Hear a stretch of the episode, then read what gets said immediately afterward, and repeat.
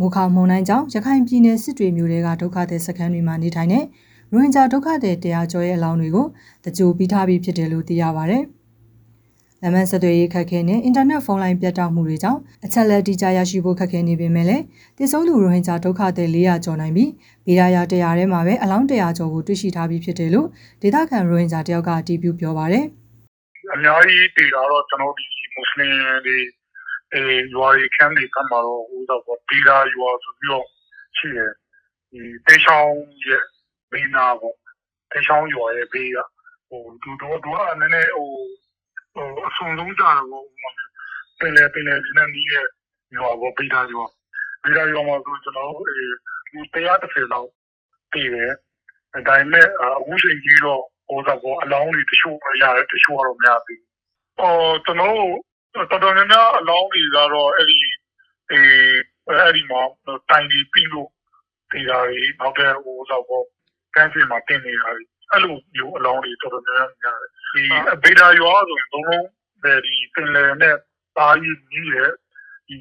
အာဥမာကျွန်တော်ပင်လယ်ကြီးကတက်လာပြီဆိုတော့ပထမဆုံးကခံရမှာဗေဒာရွာပဲ။နောက်ပြီးတော့မှနောက်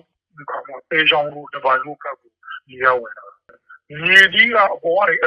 ကတ်လာပြီးတော့အဲ့ဒီရွာကိုလုံးလုံးတစ်ဖက်ကရေကတက်ချင်းလုပ်တယ်နောက်တစ်ဖက်ကမြေကအဖို့လိုက်တယ်အဲ့လိုပုံစံမျိုးဖြစ်ပါတယ်တည်ဆုံးသူအများစုကရင်းနစ်တာနဲ့အိမ်ပြိုတာတွေကြောင့်တည်ကြတာဖြစ်တယ်လို့ဆိုပါတယ်။အဲ့ဒီနေရာတွေကရိုဟင်ဂျာကန့်တွေနဲ့ရိုဟင်ဂျာတွေနေထိုင်တဲ့နေရာတွေဖြစ်တယ်လို့အောင်မင်္ဂလာရွာဒုက္ခသည်စခန်းမှာနေထိုင်သူတယောက်ကပြောပါတယ်။ဝတ်တနိုင်ပြီးရင်အလောင်းတစ်လောင်းရတယ်နိုင်ဝတ်တနိုင်ပြီးအလောင်းတစ်လောင်းရတယ်အဲ့ဒါအဲ့ဒါနဲ့ကျွန်တော်တို့ကကျွန်တော်စောင့်ကြည့်နေရတဲ့အလောင်းတွေကအကုန်လုံးမရသေးဘူး ပြီးရင်ပျောက်ဆုံးနေတဲ့လူတွေကတထောင်ပေါင်းဟိုနှစ်တောင်ကျော်ရှိတယ်ကိုယ်ကအခုဒီကိစ္စကိုသူတို့ကဟိုဘောနော်ဒီအစိုးရကလူတွေကိုမခေါ်ရဘူးကျွန်တော်တို့ရတာနဲ့ချက်ချင်းနိုင်ဝတ်တနိုင်အတွင်းမှာကျွန်တော်တို့ဘောနော် definite လုပ်တယ်ကျွန်တော်ကိုယ်တိုင်မနေ့ကလည်းမနေ့နဲ့ဒီနေ့ဆိုရင်ကျွန်တော်ကိုရောက်ကိုရောက်လို့ဖြစ်ပြီးကျွန်တော်ဟိုလောက်တာ ဂျနာသာကျွန်တော်ကိုယ်တိုင်ဝင်ဖတ်တာမွန်တိုင်းမလာခင်စစ်ကောင်စီက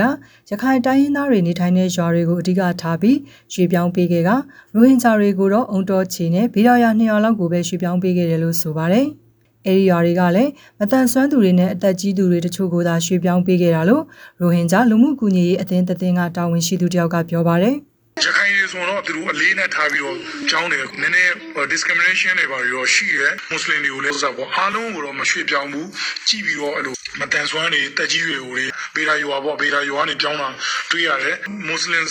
နေရာနနေရာတည်းရပဲကျွန်တော်ပြောင်းတာတွေတွေ့ရတယ်ပေါ့ကျန်တော့အစိုးရလည်းဒီလောက်ထိပြောရတာနဲ့ဘာဖြစ်လို့မပြောင်းလဲဆိုတော့မြန်မာနိုင်ငံအုံးမှာအစိုးရရဲ့ထုတ်ပြန်ချက်တွေက positive ပြောရင် negative ဖြစ်လာအဲ့ဒီကဏ္ဍတွေလည်းပါတယ်ပေါ့အဲ့ဒါကြောင့်မို့လူတွေအများကြီးသိတာပေါ့ ဗီရာယာကစစ်တွေမျိုးနဲ့သုံးမိုင်ကျော်သာဝေးတဲ့ရိုဟင်ဂျာဒုက္ခသည်တွေနေထိုင်တဲ့ရွာတရွာဖြစ်ပြီးပင်လယ်နားမှာရှိနေတဲ့အတွက်မုံတိုင်းကြောင့်တရွာလုံးကအင်ဂျီ380နီးပါးပျက်စီးခဲ့ပြီးလက်ရှိမှာနေလို့မရအောင်ပျက်စီးသွားခဲ့တဲ့အိမ်6လုံးသာကျန်ရှိတော့တယ်လို့ဆိုပါတယ်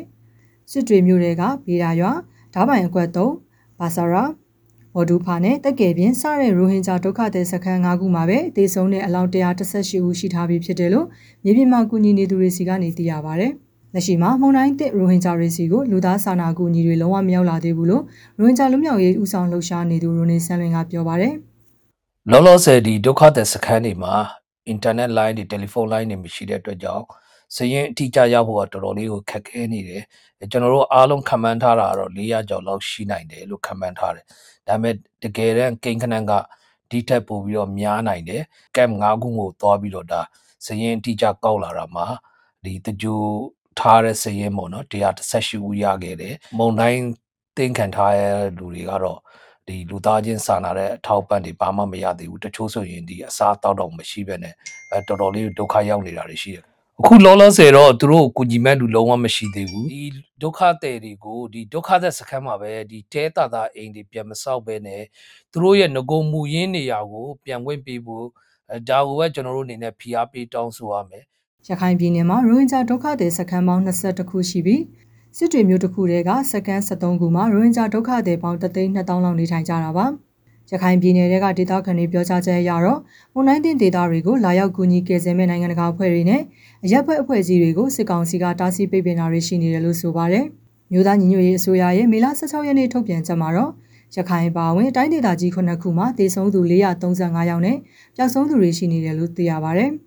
စစ်ကောင်စီဘက်ကတော့မေလ16ရက်နေ့ထိမှုန်တိုင်းကြောင့်တည်ဆုံသူ20ကျော်သာရှိရလို့ထုတ်ပြန်ထားတာပါ။ကျွန်မကတော့ဝေပါ